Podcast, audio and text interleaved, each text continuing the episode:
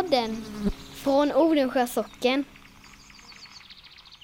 Nils kallades ju herr Nils Medelberg och mademoiselle Charlotta Olsson som gifte sig.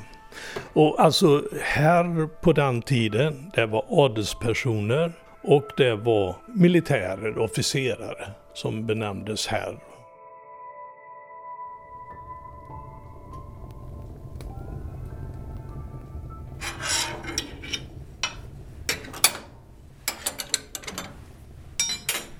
Det är mysigt med en spis du. Ja, det är det. Mm. finns ingen bättre värme. Mm. Man sitter här och, och eldar på kvällen och slänger in en pinne i brasan lite efterhand sådär. vi sitter i Gällestorp nu, men vi ska ut på uppdrag här med Hembygdspodden. Och det handlar om eh, det allra första huset i hembygdsparken faktiskt. Alltså vi kallar ju det för Medelbergsstugan. Aha. Och eh, det fanns en dam som hette Charlotta som tydligen bodde där tillsammans med sin son. Mm. Men eh, vem var hon? Ja, vad var hennes historia? Hur hamnade hon i den här lilla stugan? Den här stugan alltså, den eh, kommer ju faktiskt från Grimshult. Ja, det gör den ju och det är ju inte Odensjö socken utan det är Annesta socken. Men eh, hembygdsföreningen fick tydligen köpa den en gång då av mm. den ägaren som var då. Och flyttade den. Det var ju väldiga diskussioner då på, på 50-talet var den här hembygdsparken skulle ligga. För den uppstod ju 52 kan man säga. Ja, precis. Och eh, från början så hade man ju tankarna att vara uppe med något som hette Lönelund. Och som ligger liksom ja, ovanför Tallklinten, bygdegården, en bit, rätt bra bit upp i skogen där. Där fanns det en stuga som man hade möjlighet att få köpa då. Och det var ju jättefint litet ställe men eh, sen av någon anledning så blev det den här stugan istället som då blev till salu och man valde att få köpa eller arrendera lite mark nere i Lunnagärdet heter det ja. Precis. Nere på Lunnagärdet ja. ja. ja. Och um, så byggde man upp det och det är vi väldigt, väldigt glada för idag för det ju, ligger väldigt fint. Det är ju en bra kombination med hembygdsparken och badplatsen och sjön ja, som ja, ligger där utanför ja. precis. Ja. Det... Men den allra första byggnaden var alltså det som vi kallar Mellbergsstugan då. Mm. Som togs alltså från Grimshult. Och det lär vara Nisse på Nydala, Nils Johansson, som inte lever längre idag, som, som hittade den här stugan. Och som också faktiskt ska berätta för oss nu hur det var när man flyttade den. Vi började att sätta trailern under på kvällen. Grävde vi ner så vi kom under, så låg vi en hel över natten. Sen startade vi på morgonen. Vi hade en traktor som drog hela kalaset. Mm. Och jag körde före med motorcykeln och hade Lill-Gunnar på bönepallen. Vi skulle alltså vara en förpatrull så inte vi mötte några. Det var tre så vi måste ta ner några träd med vägen för att vi ska komma fram. Och vi var här nere på Lunnagärdet precis som var beräknat. Så de kom ju lyckligt fram här vid sextiden och då hade ju Eh, många tanter samlas där ju med kaffekorgar just och då var, då var det fest. De hade ju över en natt fått en hel hembygdsstuga på plats. Ju.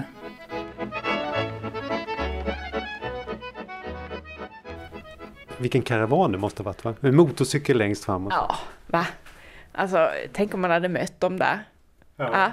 Nej, jätte, jätteroligt. Ja, det var med tillstånd och sådär. Jag är inte riktigt säker på att de brydde sig om det faktiskt. Nej, jag tror inte det. Nej. Men de gjorde ju det ganska säkert får man väl säga ändå. Jag menar, hade motorcykel körde först där och höll koll och sådär så att inte någon skulle komma och möta. Han och stoppa folk. Du, vi ska sätta oss i bilen nu strax för vi ska åka vidare till vem då? Till Rolf Karlsson i Dyhult. Mm. Vår stora släktforskare. Ja, det får man säga. Ja, det tycker jag. Mm. Alltså han gör ett fantastiskt arbete. Och han vet tydligen mer om Medelberg och då är det om, ja det är klart om Charlotta givetvis, men om hennes man och hans liv. Det, det har jag ingen, ingen aning om alls. Hur det var, så det ska bli riktigt roligt att höra. Men hon flyttade dit i alla fall 1905. Hur hamnade Charlotta Medelberg och hennes son i en liten stuga i Grimshult egentligen? Under enkla förhållanden. Det finns en historia bakom det.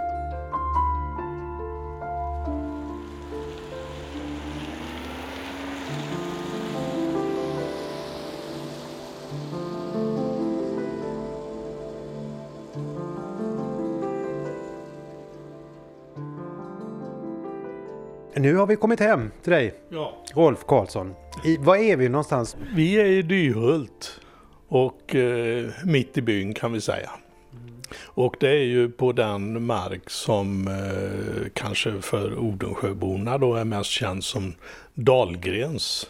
Men eh, Dahlgren han kom ju in eh, ganska sent han också, alltså slutet eh, 1800-talet. Då, ja, början 1900-tal faktiskt.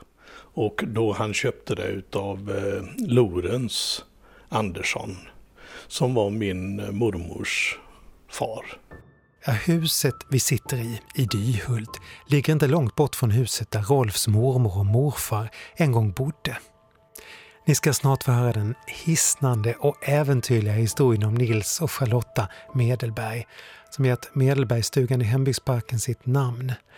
Men man kan liksom inte besöka bygdens största släktforskare utan att få reda på hur hans intresse, som numera resulterat i sajten odensjöhistoria.se, alltså hur det en gång startade. Och då får vi stanna till lite till här i Gihult innan vi tar oss till Mellbergsstugan. Innan Rolfs mormor och morfar så bodde det ytterligare två generationer i byn. Mormors far Lorenz Andersson och hans far Anders Larsson. Men Anders Larsson han föddes egentligen i Bosagård i Odensjö by.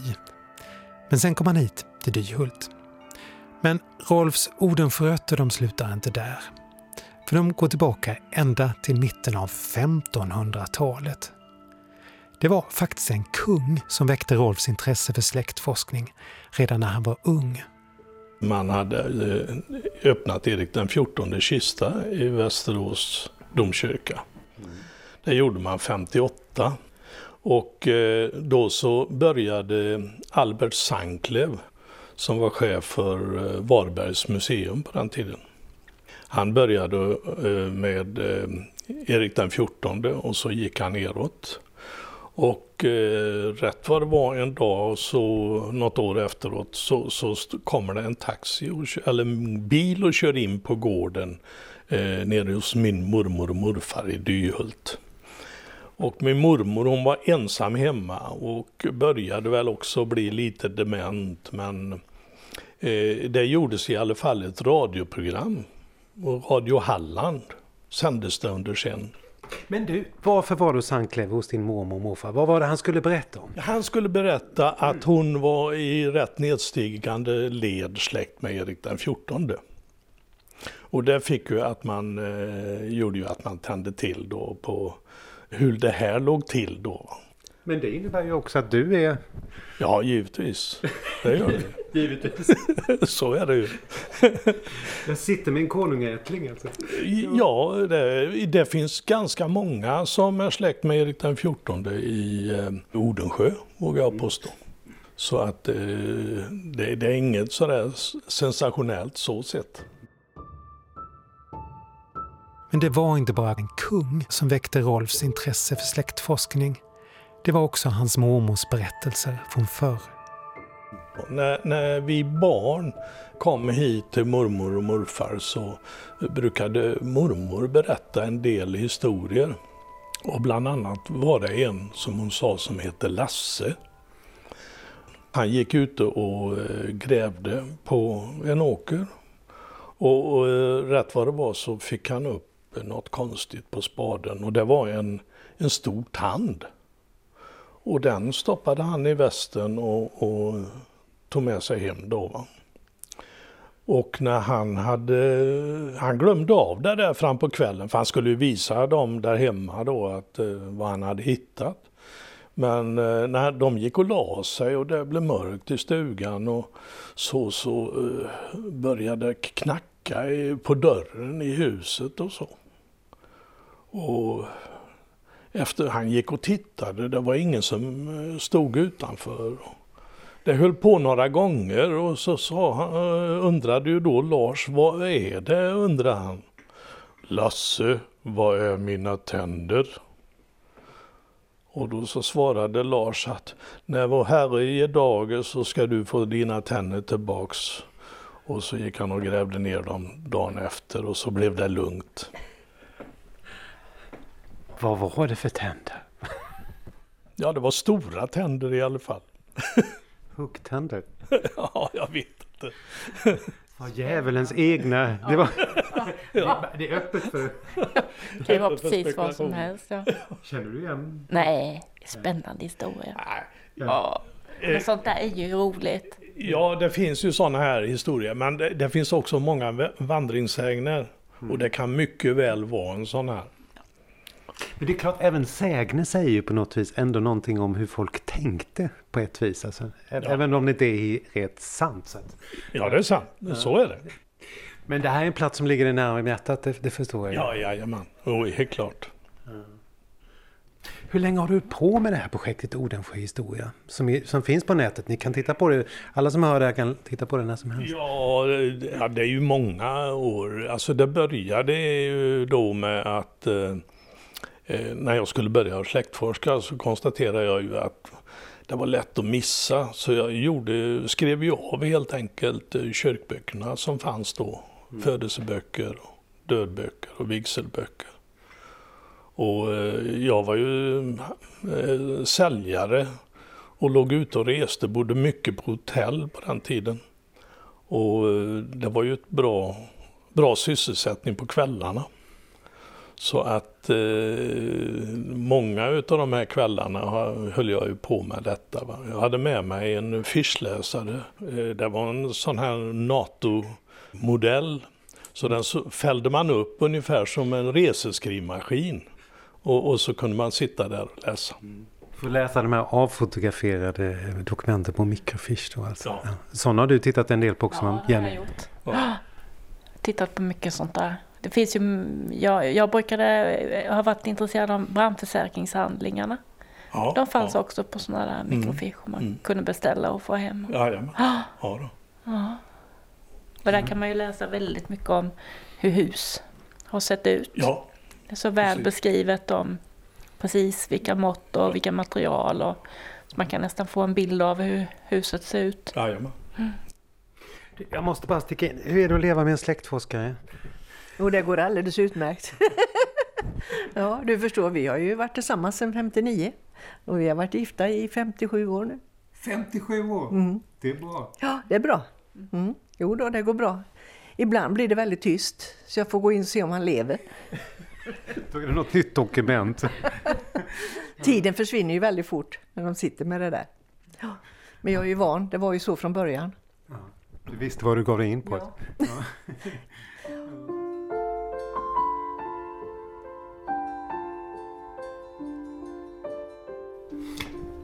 Du, när jag frågade dig om du hade några, någon färska projekt som du skulle kunna berätta om här i podden så, så började du genast nämna Medelberg då. Alltså hur hamnade den stackars änkan i det här lilla enkla huset med sin son en gång i tiden? Det, det vet du alltså? Ja, alltså jag vart ju också lite sådär, jag visste ju från början bara att det var en, en eh, änka och hennes son som hade bott i den här stugan i Grimshult då. Eh, Så långt var jag ju klar. Men i övrigt så hade jag ju inte någonting eh, på de här då. Eller vad, eh, vad hade hon för namn från början? För det visade sig att när jag började kolla Charlotta så hette hon Olsson från början. Och inte Medelberg. Och då så eh, såg man också att hon var född i Skaraborgs län.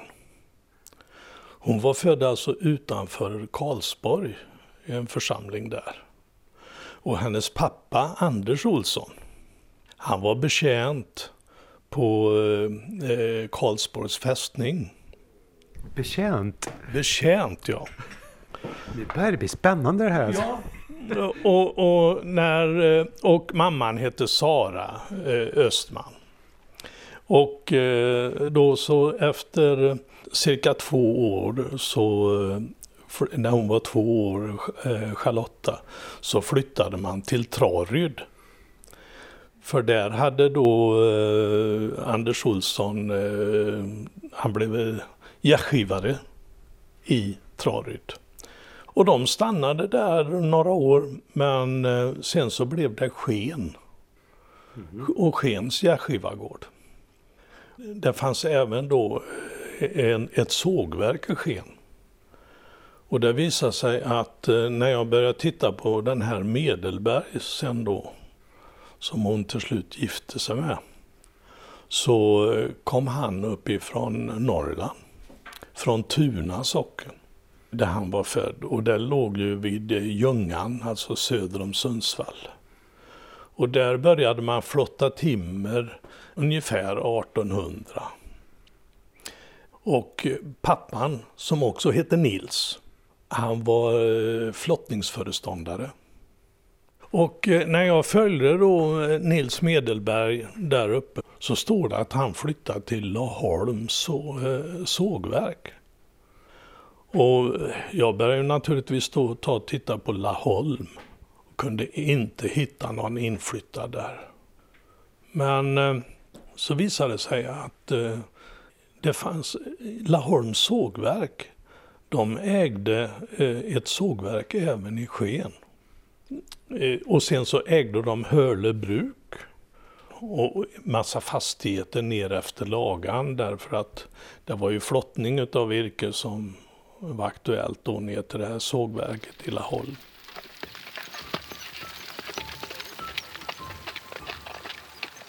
Nu är allt på plats för den fortsatta historien.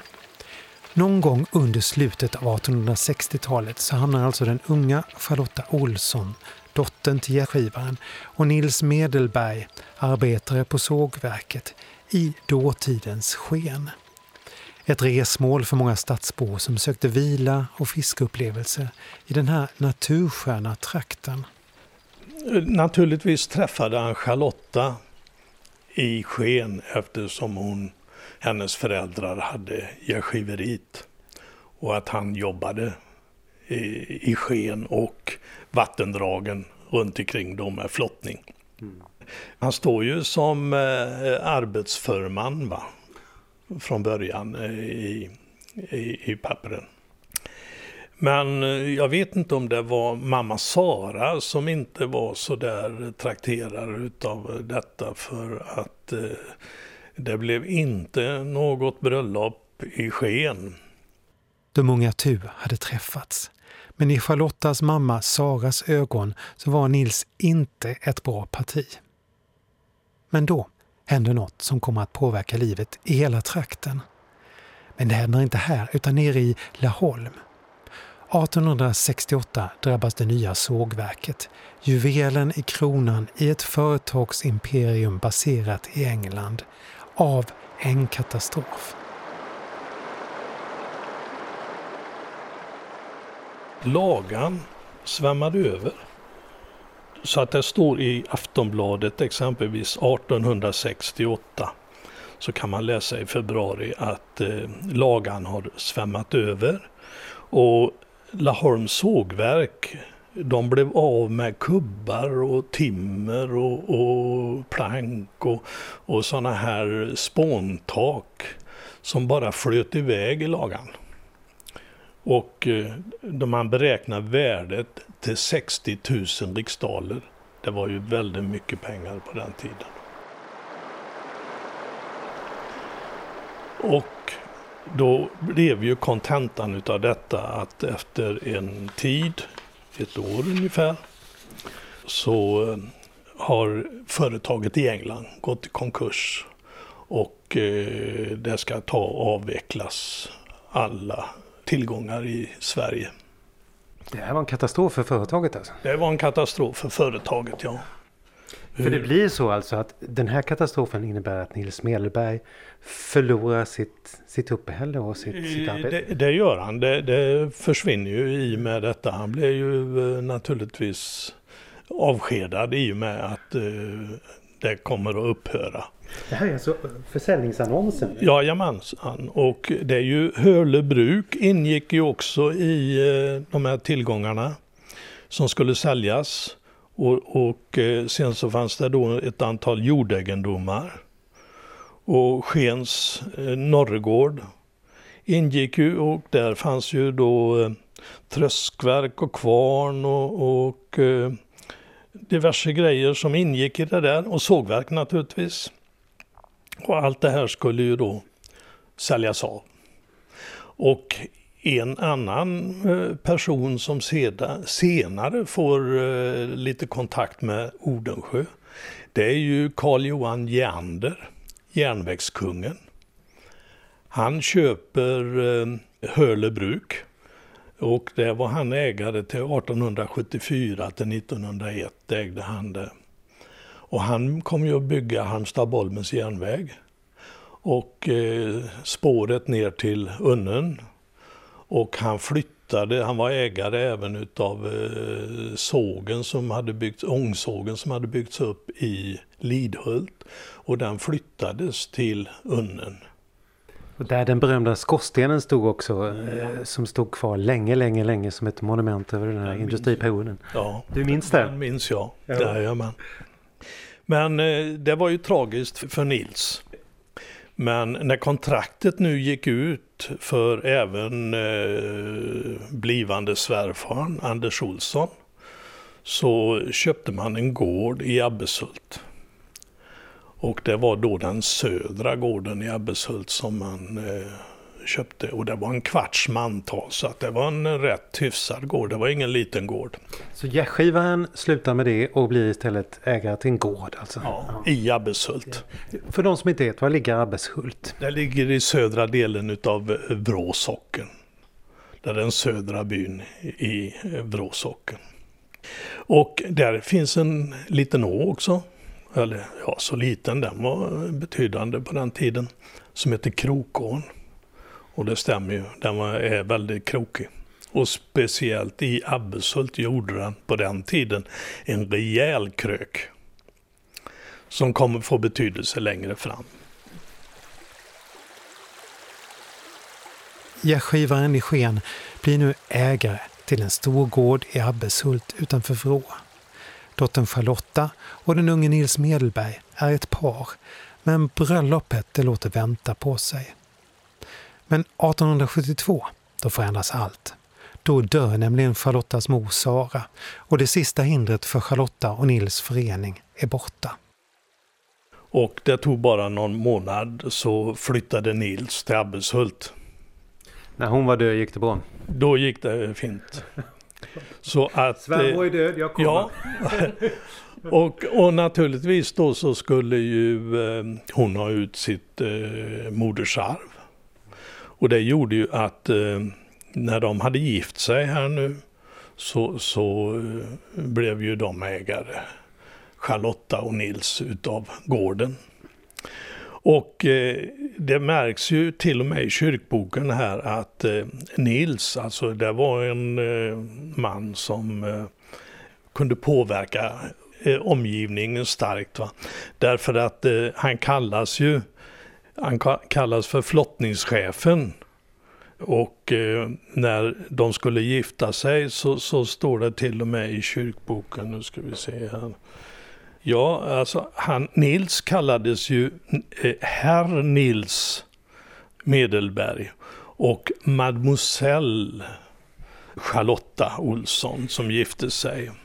Och alltså herr på den tiden, det var adelspersoner och det var eh, militärer, officerare som benämndes herr. Präster naturligtvis, det var de mer bemedlade personerna som kallades så. Och detta har då prästen skrivit in i kyrkboken. Så att det är ju inte dåligt. Han måste ha påverkat honom också. Och Nils var ju ingenting av det du nämnde så han måste ha haft andra egenskaper då som gjorde honom Ja, just det. värdig titeln. Precis, precis så måste det ha påverkat. Och det gjorde ju också att eh, när han då fick tillgång till den här gården i Abbeshult så gör man ett eh, ägobyte i eh, Abbeshult. Och alltså man fördelar marken på ett annat vis inom byn. Och eh, jag skulle eh, tippa att det var att den här eh, kroken som ån gjorde i Abbeshult, den skulle rätas ut. Så att man kunde ta och eh, flotta timmer i Krokån. Därför att nere i Knäret så fanns det ju ett eh, sågverk. Så där har jag tittat då på lantmäterihandlingarna så att det är gjort. Och när man tittar på kartan idag va, så ser man ju att den eh, är rakare i Abbeshult och den här lilla kroken finns fortfarande kvar. Va. Så Nils och Charlotta har liksom gjort avtryck i landskapet i Vrå. Alltså man kan se det från rymden i princip. Jajamensan, ja, det stämmer helt klart. Där. Är det på det viset. va. Föreningen mellan den karismatiske herr Nils Medelberg, flottningschefen, och mademoiselle Charlotta Olsson ger ett avtryck till och med på kartan över Vrå. Och även hemma på gården, där nio barn kommer att födas, men bara sex når vuxen ålder. Nu hade resan uppåt för familjen Medelberg börjat. Snart skulle de tillhöra de mest förnäma kretsarna i bygden. För det här var på tiden då den stora sågverksboomen och industrialismen svepte fram över Sverige.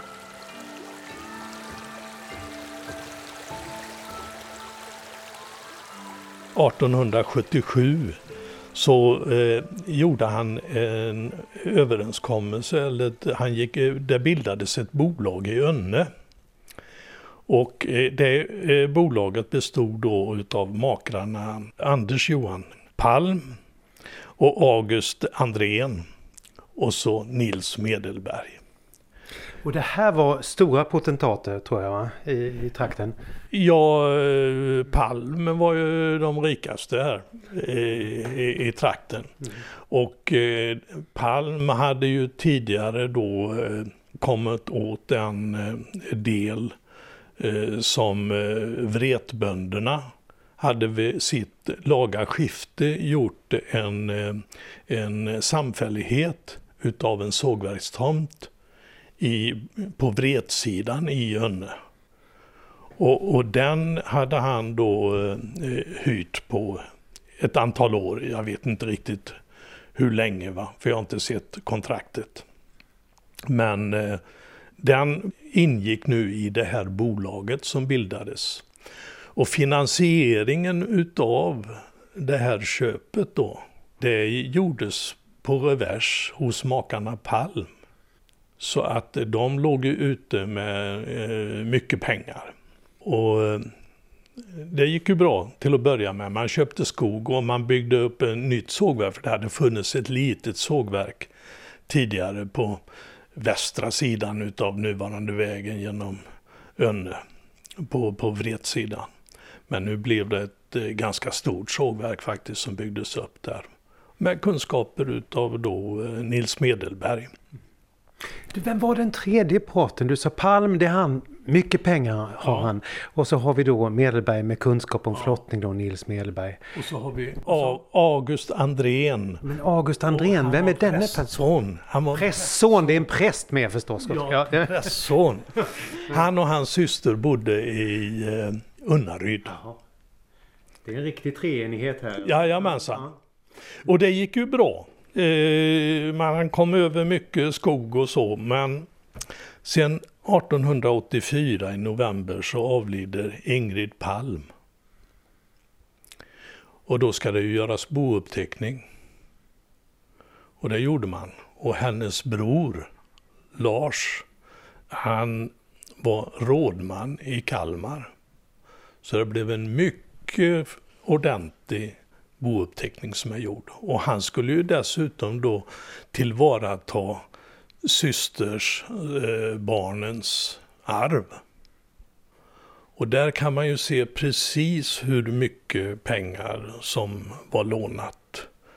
Och, och eh, hur många reverser som fanns och hur mycket räntan blev och så vidare.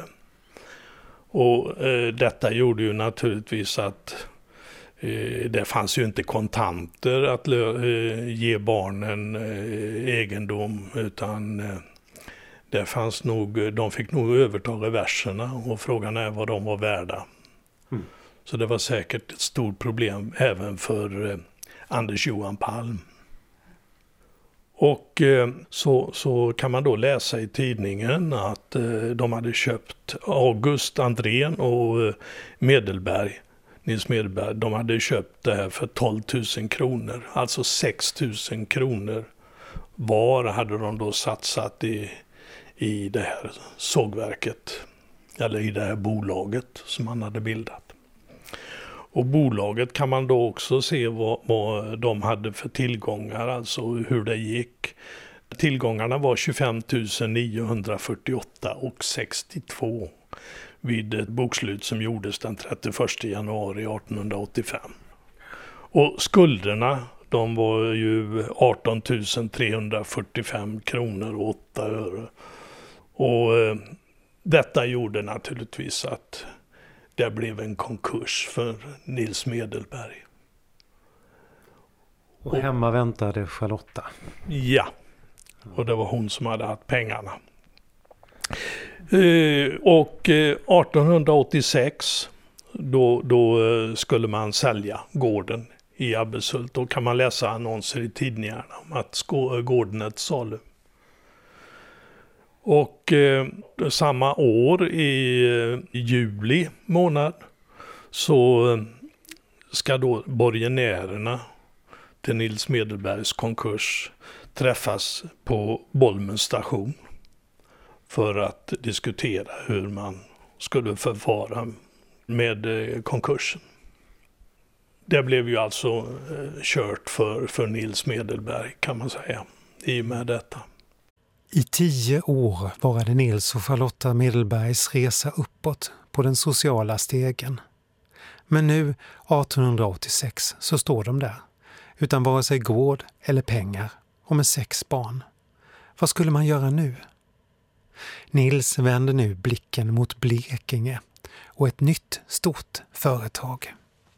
Han fick ju ta de jobb han kan få, eller kunde få vid den här tiden. Så att han, eh, man kan hitta att han annonserar efter, han ville hyra stora frakteker nere i Nättraby i Blekinge. För han hade fått i uppdrag att rensa Nättrabyån. Och eh, detta var ju intressant därför att eh, vid den här tiden så började man att trafikera Nättraby med Karlskrona med en ångare som hette Axel. Och den var döpt efter ägaren. Och dessutom så byggde man en smalspårig järnväg på 600 mm bredd norrut ifrån Nättraby. Och siktet gick väl mot Växjö men eh, man nådde aldrig ända fram eh, kan man säga. Man, men det byggdes ganska långt upp i, i Småland, mm. den där smalspåriga järnvägen. Järnvägens gyllene tid alltså. Ja. Verkligen, det var det. Så att där, där jobbade han nu 1887. Och Eh, sen så blev det ju så att eh, familjen bodde i ett före detta torp nere i Abbeshult. De hade fått lämna själva gården men bodde i något som heter Lunden. Och Lunden finns fortfarande kvar eh, i Abbeshult. Och där bodde de vid denna tiden. Och Eh, de fick ju nio barn totalt. Eh, familjen. Och utav dem så eh, var det tre, eh, ja, tre avlöd för eh, vuxen ålder. Men det fanns ju sex barn kvar.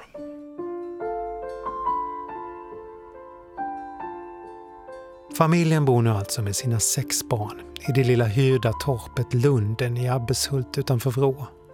Några år har gått det har blivit 1888 och Nils är 48 år gammal. Kanske är det det där att se den gamla gården de en gång ägde på håll varje dag. Eller att projektet i Blekinge inte ger vad han hoppats. Men nu fattar i alla fall Nils återigen ett beslut om att söka lyckan dit så många rest före honom. En dag lämnar Nils Medelberg torpet Lunden och familjen bakom sig. Han lämnar då Lunden och eh, Charlotta och reser själv till Köpenhamn. Han åker till Köpenhamn, Nils?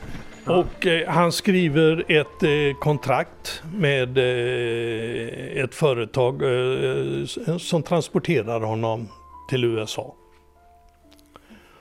Eh, så han lämnar och, och eh, reser via Liverpool, Liverpool med Allanlinjen över till Halifax. Han tog alltså inte New York-vägen som eh, väldigt många gjorde. Men här i södra delen av Kronoberg och Skåne och Halland och så, så var det många som åkte via Köpenhamn. 48 år och hemma har han sex barn och en hustru, Charlotta. Ja, det är riktigt. Och han åker till USA? Han åker till USA, ja. Ensam. Och han, det är ingen utav barnen som någonsin följer efter. Men eh, eh tydligen så de har eh, fortfarande kontakt brevledes i alla fall. Det är jag säker på. Så att eh, han kommer ju till eh, eh Halifax den 16 februari. Men han har ju löst eh, biljett då till St. Paul i Minnesota. Så att eh, dit, dit kommer han.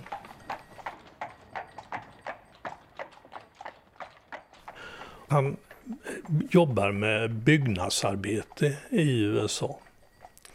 Och samtidigt, 1890, alltså bara två år efteråt, så har vi en eh, blivande riksdagsman ifrån Nättraby som gör en resa i USA. För eh, han har ju varit med och finansierat järnvägen i Nättraby bland annat. Så att han var väldigt intresserad utav järnvägar.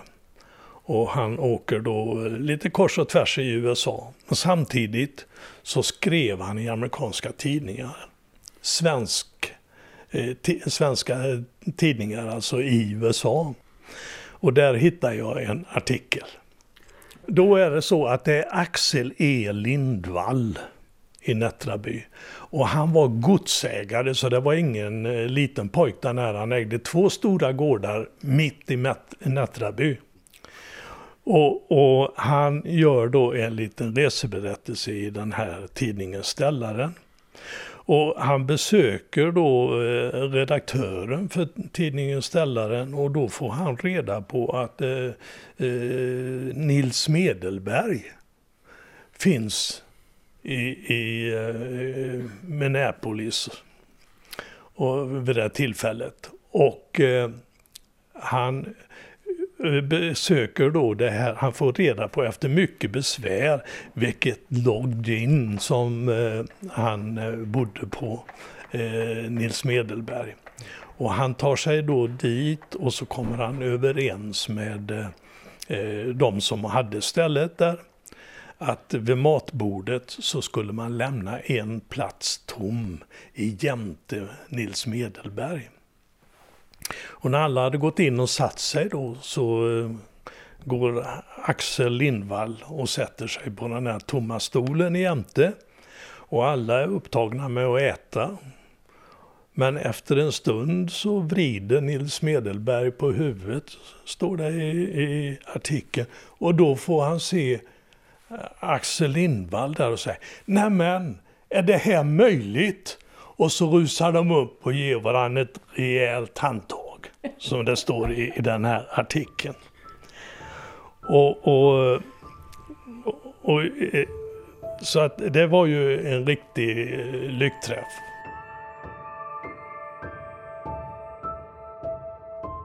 Ett återseende? Ett återseende. Så han har tydligen gjort stor, eh, ja, man har blivit uppmärksammad i Nättraby ganska ordentligt också under den tiden han var där. Det måste ju varit en, en eh, karismatisk man det här. Alltså. Mycket, tror jag. Mm. Annars hade det inte blivit på det här viset. Men eh, han bor kvar i, eh, i, i de här bygderna i Minnesota eh, till 1907 den, den 7 juni då han avlider. Och sen begravs han på en kyrkogård som heter Minneapolis Pioneers and Soldiers Memorial Cemetery i, i Minneapolis. Och hur gammal hann han bli? 67 år blev han. Kom det hem några pengar tror du? Ja, när man då tar och tittar i, i kyrkböckerna då i Annerstad. Då står det att eh, änkan Charlotta Medelberg har meddelat att eh, hon har blivit änka och att Nils han har dött i, i det här datumet då. Va? Och, och det stämmer. Så hon måste ha fått underrättelse från någon av eh, hans medarbetare eller så i USA om detta.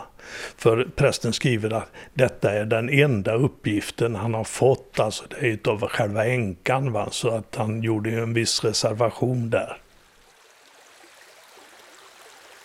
Nils är död, 67 år gammal. Och hemma i Sverige har nu Charlotta och hennes barn flyttat till Grimshult och torpet Gröneslätt. Året har hunnit bli 1907. Familjen, Charlotta och ungarna, de har ju fått flytta till då Gröneslätt som det hette från början. Inte Gröna slätt utan Gröneslätt i Grimshult. Då. Och det är alltså Medelbergsstugan? Det är vi är framme vid nu. Vi kallar Medelbergsstugan idag. Va? Mm. Och eh, där bodde hon till eh, sin död. Och det var 35 avled hon ja. Mm. Mm. Och sen bodde ju eh, Olof kvar till 51. 1951 då han förolyckades. En trafikolycka står det bara att han eh, dog i. Så det var en av sex barn som stannade hemma hos mamma? Ja, ända fram till slutet alltså. Men eh, flera var ju med eh, vid flytten till stugan till Grimshult. Ja. Men eh, försvann ganska snabbt. De hade ju blivit tonåringar också så att det var inte så konstigt. Men du, Nils Medelberg drar iväg till USA och försöker skapa sig ett nytt liv och tjäna mm. pengar igen efter, efter konkursen med det här stora projektet. Ja. Men vad levde hans hustru för liv då i Grimshult? Vad tror du? Ja, jag tror ju att eh, det är på dem, de kunde försörja sig på de eh, småarbeten som Olof kunde åstadkomma. Han jobbade med, i skogen och han hjälpte bönder med allt möjligt och sånt där. Men det var nog i stort sett det som fick hålla honom och mamma igång. Det låter inte som ett fett liv precis. Det var säkert inte det. Det var säkert ganska armt, om man säger så. Har du någon känsla för hur man såg på dem, på, på Charlotte eller Olof i, i det här sammanhanget? Nej, det, det, är ju svårt att säga naturligtvis. Men eh, jag menar, hon hade ju fått gått en lång väg först. Brant uppåt på stegen. Och, och sen så väldigt eh, snabbt neråt också då när gården var tvungen att säljas och så. Va? I Absult. Vilket öde! Ja. Det var grymt många gånger.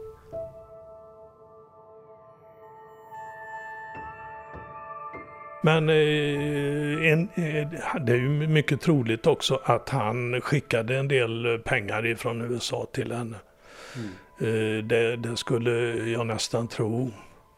Men hon gifte inte om sig utan hon Nej. förblev änka? Det gjorde hon inte. Och det hade hon ju kunnat göra annars. Speciellt när han dog 1907.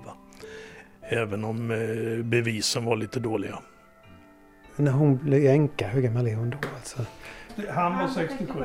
Hon var 57 år när hon flyttade dit 1905. Så då var hon ju 59 när han dog. Ja, just det. Då har man ändå ett par år kvar att leva alltså.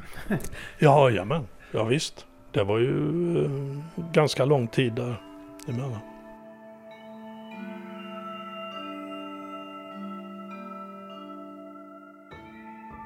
Jag tänkte det, för du har ju inte träffat någon människa som har kunnat berätta det här, utan hela den här berättelsen är sånt som du har kunnat forska dig fram till. Ja, Hittat det- olika handlingar. ja, Tidningsartiklar och i, bok, i ja. kyrkoböckerna och så. Mm. Det är ju fascinerande. ja. Ingen släkting har jag träffat. Nej. Det är ju väldigt spännande.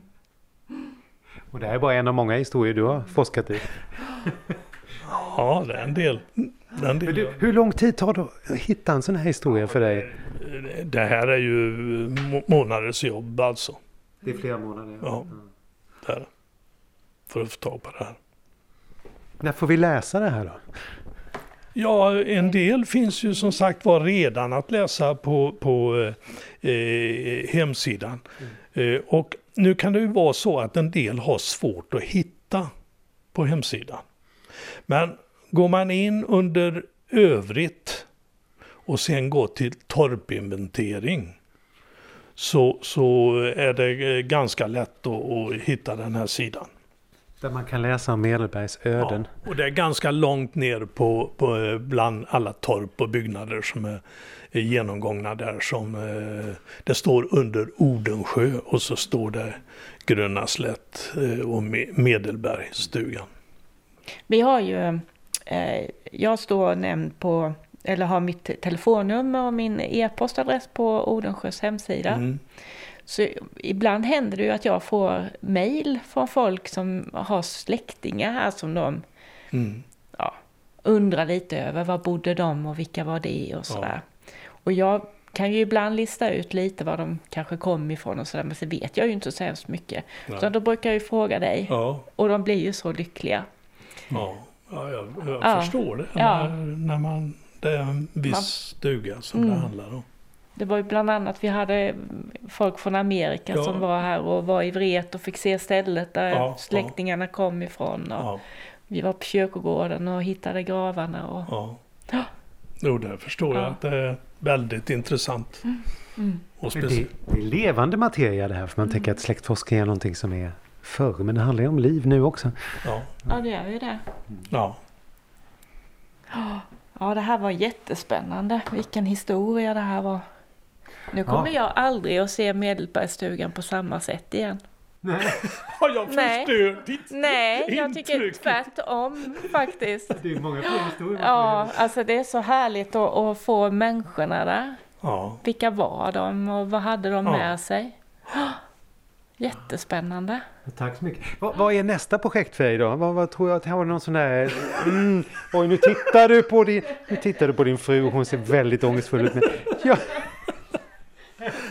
Det kanske ska vara... ja nej men vi- håller ju på, Billy och han, han skickar ju lite uppgifter till mig. Eller, han, upp, han vill ha svar på diverse saker om eh, just Önne nu. Som det handlar mycket om. Det är nästa sån här bildgenomgång. Ja, just det. Billy Björks, eh, han går igenom... Han har ju gått igenom ett antal byar då Ja, och, och ska nu Och- fortsätta. Min uppgift är ju ofta då att leta rätt på nu levande släktingar. Men även då eh, vad som har skett, alltså när ett hus har avsöndring har skett kanske exempelvis utav för en byggnad och så va. Sånt brukar jag plocka fram. Ja, det får jag ju också säga då att det här med att hitta levande släktingar. Det har ju också varit en grej då när, vi har, när man har träffat Ja, de här som har ställt frågor och så har du kunnat leta reda på men det är faktiskt den personen är ju släkt med då. ja, Och man har kunnat få ihop de här. ja, ja. Man har aldrig vetat om varandra eller känt till varandra. Nej. Jätteroligt.